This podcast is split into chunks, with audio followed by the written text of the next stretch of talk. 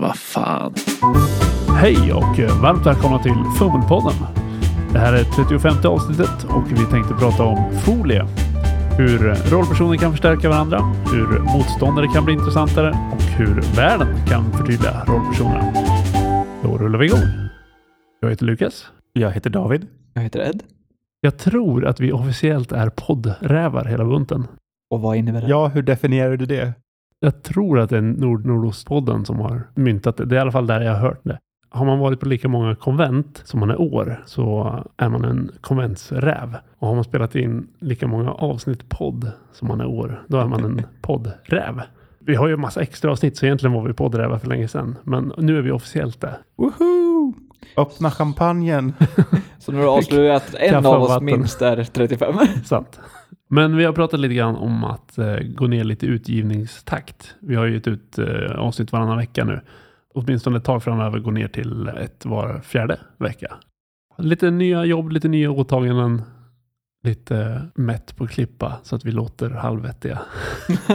Jag läste någon kommentar som sa att vi fortfarande var svåra att höra skillnaden på. Och det var någon som, så här, om de höll med det som sades så var det jag som sa det. Och om de inte höll med så var det Edvard som Det pratade. skär i hjärtat. Och jag vill bara säga, det är bara för att hälften av allt jag säger klipps bort. För hälften av det jag säger är dumt i huvudet. Men vi kan ju vara bättre på att säga varandras namn kanske. Vi kan försöka, men jag har en känsla av att man kommer landa i samma mönster förr eller senare. Vi kan alla så här kanalisera våran inre telefonförsäljare som alltid säger ens namn. Håller du inte med om det Edvard? Ja, precis. Lukas, tycker inte du att det skulle vara trevligt Lukas? Det är väl en bra idé? Lagom är bäst. Nu håller jag inte Det var ju där den här Lukas. kommentaren sa, sa om mig också. Att är det någonstans mitt emellan så är det Lukas. Men det är kul i alla fall när vi får kommentarer. Ja, Ja. absolut. Jag såg att vi har fått en bunt fina recensioner och sånt där på Facebook. Det är också väldigt fint. Tack så jättemycket. Passa på att göra en shoutout till eh, podden Spelsnackarna som brukar säga jättefina saker om vår podd. Och eh, de snackar ju också rollspel, recenserar lite grejer, pratar nyheter, lite mer aktuella av sig. Rekommenderas. Det finns länk i avsnittsbeskrivningen. En av anledningarna till att vi ska gå ner lite i tid, jag har ju dragit igång ett rollspelsförlag tillsammans med Peter från Rollspelsfika-podden och Kristoffer från Svartviken rollspelspodd. Ska ut lite rollspel från oberoende spelskapare till att början, oss själva.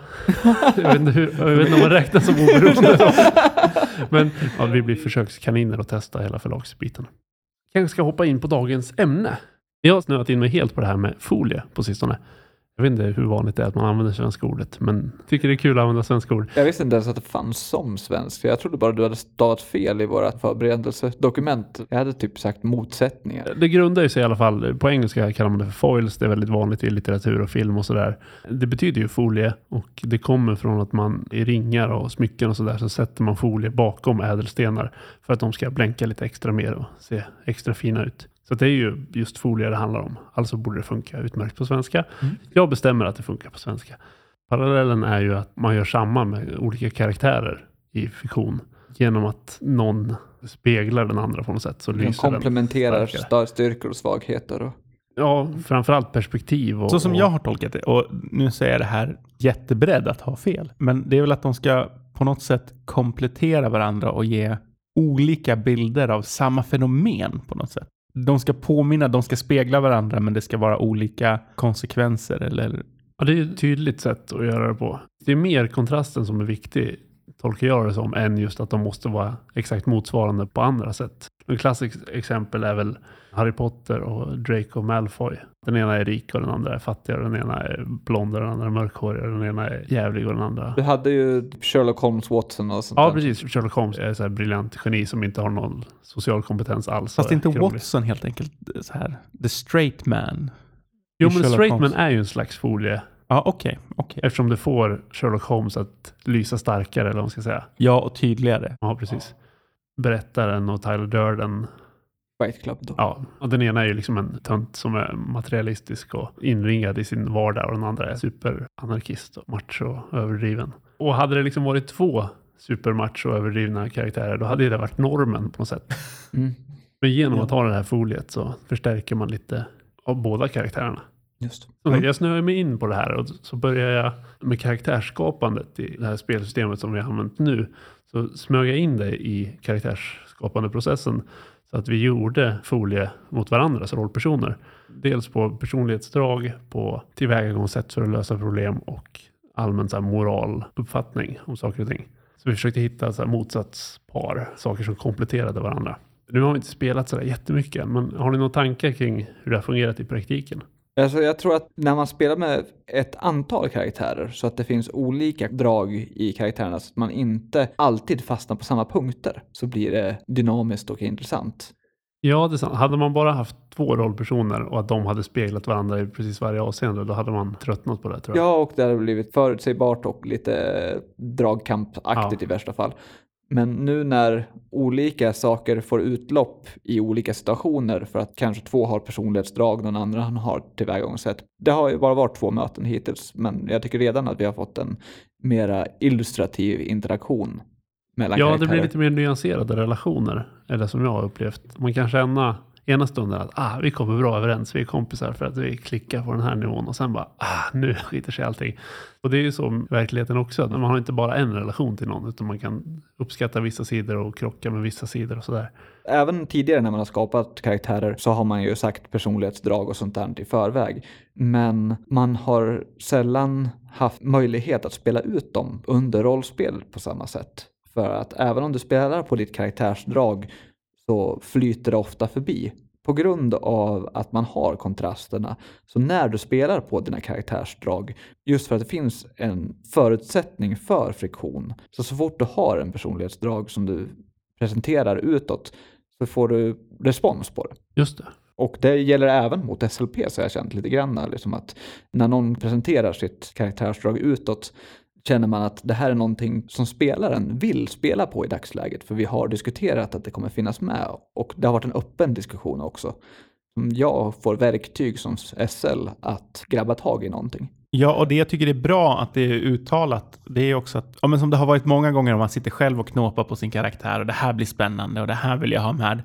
Och så har man en massa olika personlighetsdrag som aldrig dyker upp i spelet för det är ingen annan som är intresserad av dem eller det är liksom inte det som har varit fokuset eller man har gjort ett antagande som kanske inte har stämt överens med de andras antaganden.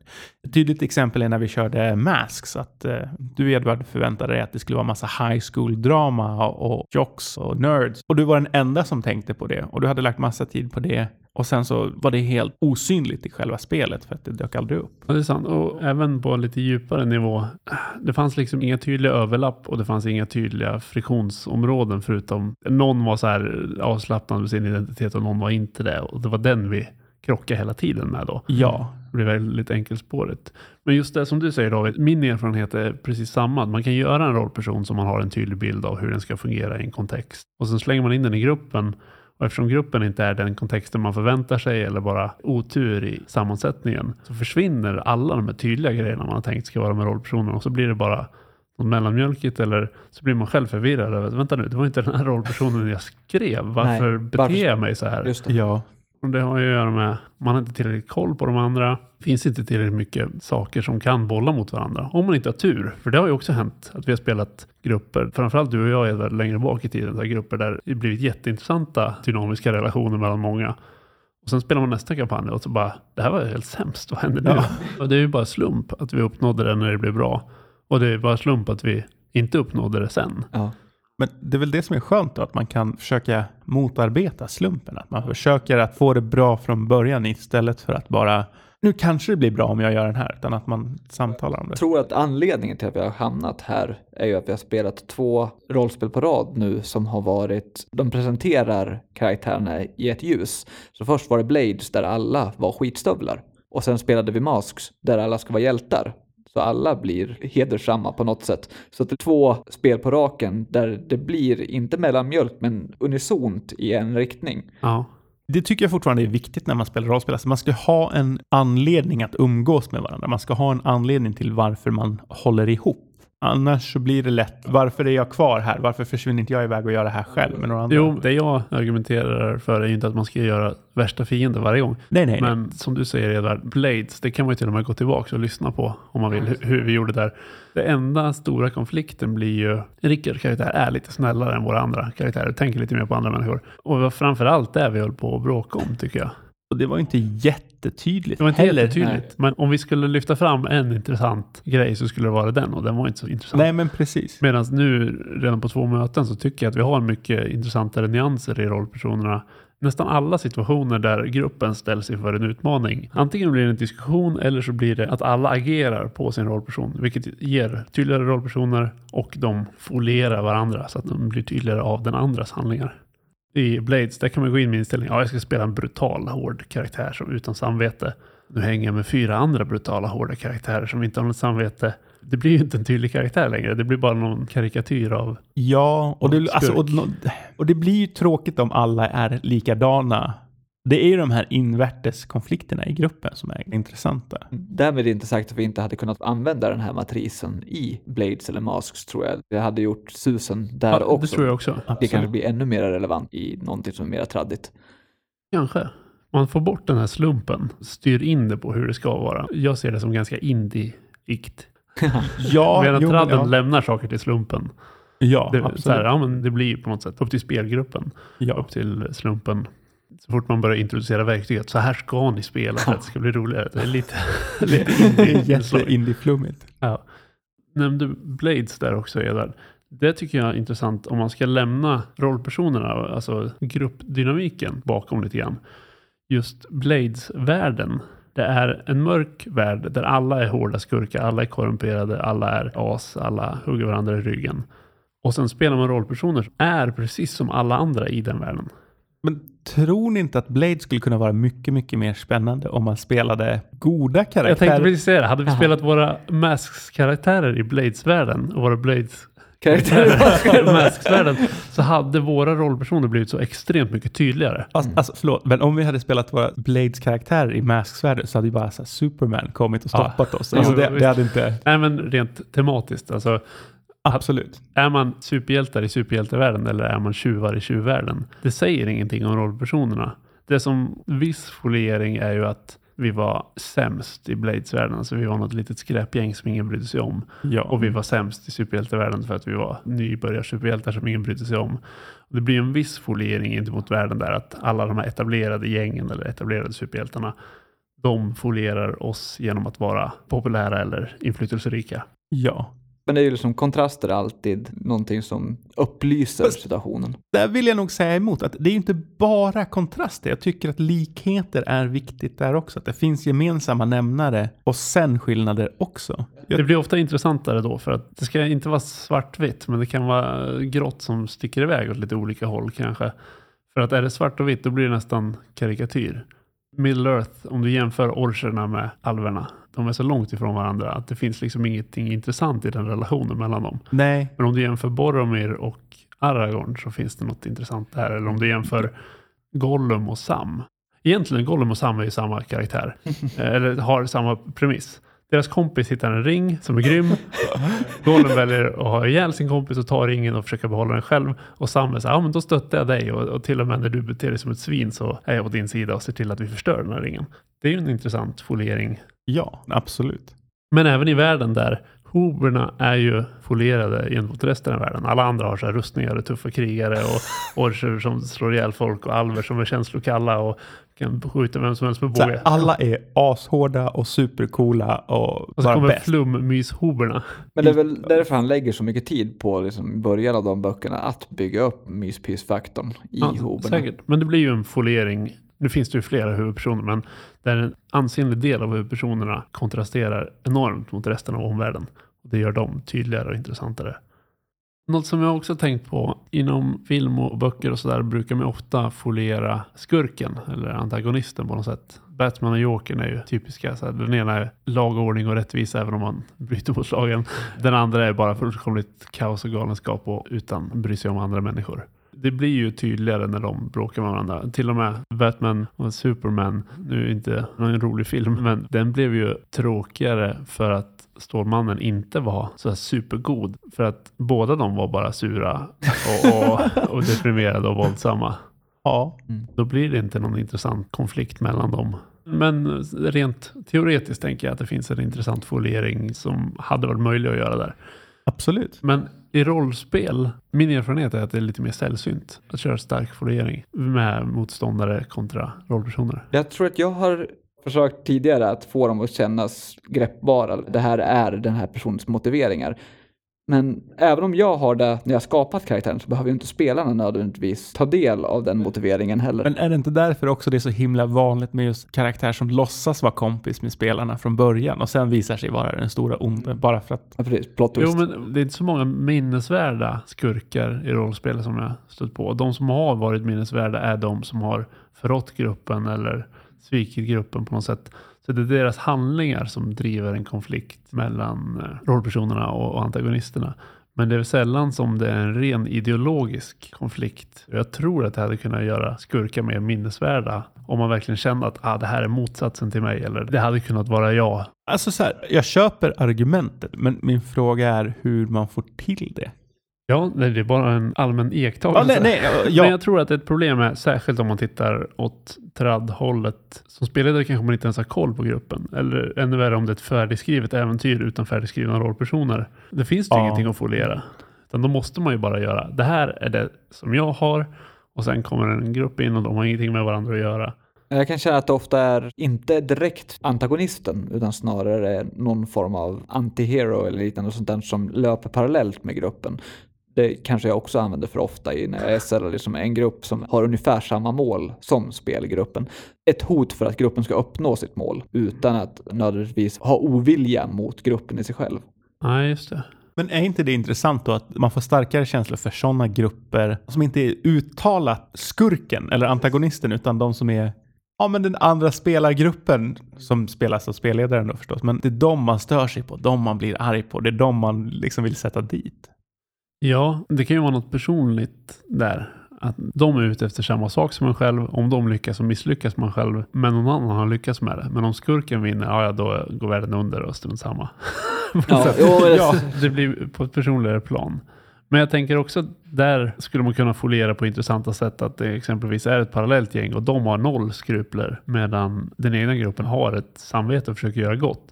Även om de försöker stoppa skurken så kan ju metodiken variera och det kan bli en intressant ideologisk konflikt. Eller tvärtom till och Eller tvärtom. I så här Blades. Tänk om man är så här konkurrenter med ett gäng som faktiskt har skrupler och har, Jo, och har ett samvete. men problemet är att man är alltid underdog när man har skrupler. Men är inte det som kan bli så här?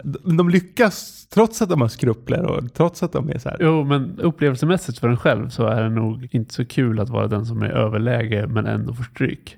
Det är roligare att vara den som är underläge men ändå vinner. Jag tror också att det har mycket med interaktion att göra. För att mycket saker när man löper parallellt och sånt där, när man har saker, att under resans gång så kommer du stöta på dem. Det är lite det där Pokémon, din frenemy-aktiga grejen. Liksom på grund av att du stöter på dem ofta och man får erfara förändringar och sånt där. Så det blir som kompisar. Ja, Boven blir ju oftast bara att det är ett slutmål. ja, kan stämma. Du får ingen interaktion med dem förrän Final Showdown.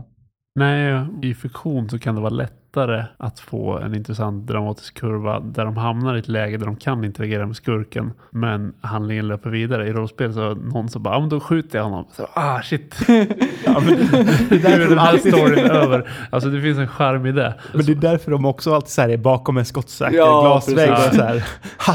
Ja, men då känner man ju bara, ah, orka, jag ville ju skjuta. Ja, och det är då de här skurkmonologerna dyker upp. De så här berättar hela sin ondskefulla plan bara för att... Ja, och det, det finns en charm i det. Men det är en intressantare konflikt om det finns någon form av meningsskillnad. Inte bara jag gör det här. Ja, men det är ju dåligt för folk. Ja, fast jag känner för att göra det i alla fall. Alltså, det är ju väl egentligen en grundläggande grej som du är inne på Edvard. Med bra skurkar är att de inte bara är onda utan att de har en motivation. Men om den motivationen är intressant och förstärker rollpersonernas motivation genom att spegla den på något sätt. Ja, och jag tycker det finns plats för båda. Alltså om vi tar Sagan om ringen återigen. Det är skönt att Sauron finns och är bara superond. Och Boromir är ju den intressantaste halvskurken tycker jag. Ja, och sen så är det skönt att det finns Gollum också som är en sympatisk skurk. Ja. Sauruman är på något sätt en spegling av Gandalf. Ja. De är i samma situation men den ena fegar ur och väljer onda sidan. Luke Skywalker och Darth Vader är ett annat folie. Hade man tagit bort Darth Vader och bara haft Palpatine och Luke Skywalker så hade det varit en sjukt tråkig story kan jag tycka. Särskilt första filmen där kejsaren inte ens är med. nej, nej, visst. Men jag tänker även tredje filmen. Alltså, det blir en massa intressanta situationer som dyker upp när karaktärer folierar varandra snarare än bara jag är ond, ja men jag är snäll.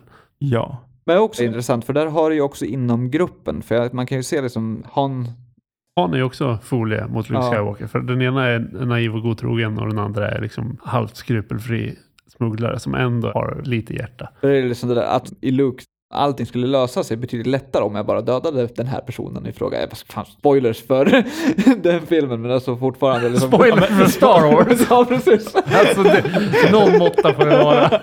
precis. Det är så här skill- skillnad om du spoilar Last Jedi. Om någon skulle vilja se den.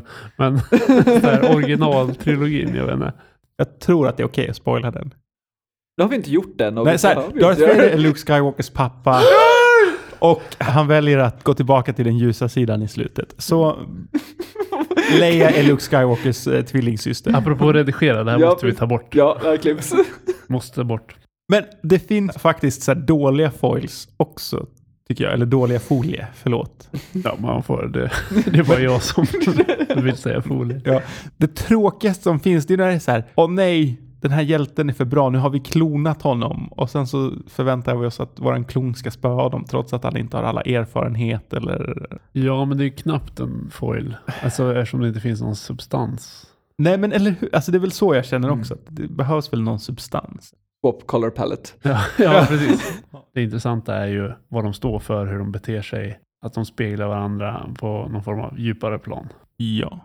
Men på sätt och vis, här, klassiska klasser i rollspel är ju en svag form av folie. Någon är trollkarl, någon är krigare, någon är tjuv. De säger ju någonting om varandra. Trollkarlen folierar krigaren genom att vara svagare men ha tillgång till övernaturliga förmågor. Och tjuven folierar krigen genom att vara diskret och inte lika duktig i strid. Det är ju extremt tråkig folie på många sätt. Och de ställer till det ofta för att de folierna gör att man inte kan spela samma rollspel. Ja, att när man väl hamnar i en situation så jag säger det som, ja, min karaktär kan inte göra det här, så därför kan vi inte använda den lösningen om vi vill fortsätta tillsammans. Det är ett mekaniskt hinder. Medan personlighetsdragen är ju någonting man kan diskutera, att köra demokrati, sabotera för varandra i värsta fall. Och det blir en intressant historieberättande runt omkring det. Medan när man begränsar möjligheterna känner jag att det är ett större problem. Ja, det är sant. Just det som vi har pratat lite grann om, det är ju en slags... Den finns ju i mekaniken, folieringen, i och med att den säger åt dig ungefär hur ni ska utforma gruppen. Men det är ju inte en mekanisk grej i spelet. Nej, och det är ingen sån så här, om man nu skulle vilja spela Drakar och Demoner och alla skulle spela krigare, så är det inget i reglerna som hindrar det. Nej, det är det väl inte. Men om alla spelar krigare och inte har folierande personligheter, då blir det ju extremt tråkig grupp. Ja, Men Blades skulle kunna funka, även om alla var lite tjuvar. Om man folierade varandra på intressanta sätt skulle det kunna bli en extremt intressant grupp. absolut. Alla spelar en paladinskola för samma religion. Ja, Men det, jag tror att Jag det tror kan att det skulle bli kunna bli superspännande. Ja. Och man har olika tolkningar av saker och Ja. någon är så här fanatisk, någon är skeptisk, någon... alltså, Det kan Ja, bli det finns ju en De jättetydlig... Skillnaderna liksom. ja, det finns ju en jättetydlig konflikt att ja, men vi vill alla bli paladins, vi alla följer samma religion, men vi tänker och tolkar det på olika sätt. Jättetydliga skillnader. Jag tror att det skulle kunna bli intressant. Och som du var inne på i början Edvard, att inte att två stycken folierar varandra fullständigt utan det kanske är två rollpersoner. Den ena är helt hänsynslös och fanatisk och den andra är omtänksam och trevlig. Och sen kanske det är någon som är väldigt eh, utåtriktad och tar mycket plats och någon är bister. Alltså alla de där kan bli nästan mer tydliga karaktärer än en normal tradgrupp kan bli i värsta fall. Jag ser inget hinder med att lösa det på det här sättet, annat än vi har inget att utforska liksom, som vi inte vet. Så hade vi ju ett argument för en gång i tiden att vi ska inte berätta om vilka karaktärer vi är för vi vill upptäcka det under spelets gång. Nu har vi istället att vi vill utforska vad vi bemöter Ja, som grupp på ett Jag annat tror sätt. fortfarande att du skulle kunna gömma massa saker i bakgrund och egentligen det som vi har sagt med de här reglerna är det kan bli intressant smågnabb mellan rollpersonerna som gör att man förtydligar varandra och jag tycker att det är en intressant del av rollspelande. Jag tycker också det. Jag tycker att det fortfarande finns utforskande att göra, men mer att liksom så här lära känna sin egen karaktär och se hur den reagerar på saker och hur Ja. den förändras under tid. Ja, eller hitta de andras motivationer till varför de är som de är. Eller höra deras perspektiv på saker eller få reda på vad som har orsakat deras personlighet. ja, jag tycker fortfarande det finns mycket att utforska. Ja. Och det ger också spelledaren en guidebok för hur gruppen troligtvis kommer bemöta vissa situationer. Det är sant. Och jag tycker ibland, det är lite metaspelande, men en diskret form av metaspelande. Ibland kan man känna, ah, om jag gör det här, det kommer David. liksom, det kommer provocera Davids rollperson. Så gör jag, för då blir det någon grej. Ja, men eh, jag tycker att det är bra, för man spelar ju för att göra sådana grejer. Lite. Ja, Ja, ja, absolut. Allting behöver inte alltid vara för gruppens fulla vinst, utan det kan vara för det intressanta utbytet. Det viktiga är att jag som spelare har roligt. Och- Eller jag och mina medspelare har roligt, Ja. inte att mina karaktärer får som de vill. ja. Mm. Jag tror vi har betat av ämnet, men jag skulle gärna fortsätta utforska det lite grann mer i spel och se. Ja, alltså jag tror att man här. kan återkomma till i någon form av eh, summeringsavsnitt på sikt. För vi har många eh, avsnitt där vi har pratat om det här kan vi återkoppla till. Och det är väl kanske vad det här krönikeravsnittet vi hade nu var i stort sett. Men man skulle kunna fokusera någonstans på att knyta ihop lite påsar Det är sant. någon gång. Måste vi bara lista ut vilka påsar vi har öppnat. Måste jag precis lyssna igenom våra tidigare avsnitt. Men som jag tror fortsätta testa lite grann med att foliera rollpersoner och sen ha det i åtanke när man kanske bygger antagonister eller världar och allting. Jag tror har potential att vara någon sån här liten nyckel där man får bort slumpen och att det alltid blir okej på det här området i alla fall. Mm. Ja, jag tror det. Vi ser. Tack, tack. Ha det bra. Hej! Du har lyssnat på Fummelpodden som presenteras i samarbete med Studiefrämjandet. Du får gärna gilla vår Facebook-sida eller kanske följa oss på Instagram. Länkar finns i avsnittsbeskrivningen. Har du feedback eller tips på ämnen? Gör gärna av det via sociala medier eller skicka ett mejl till info@fummelpodden.se.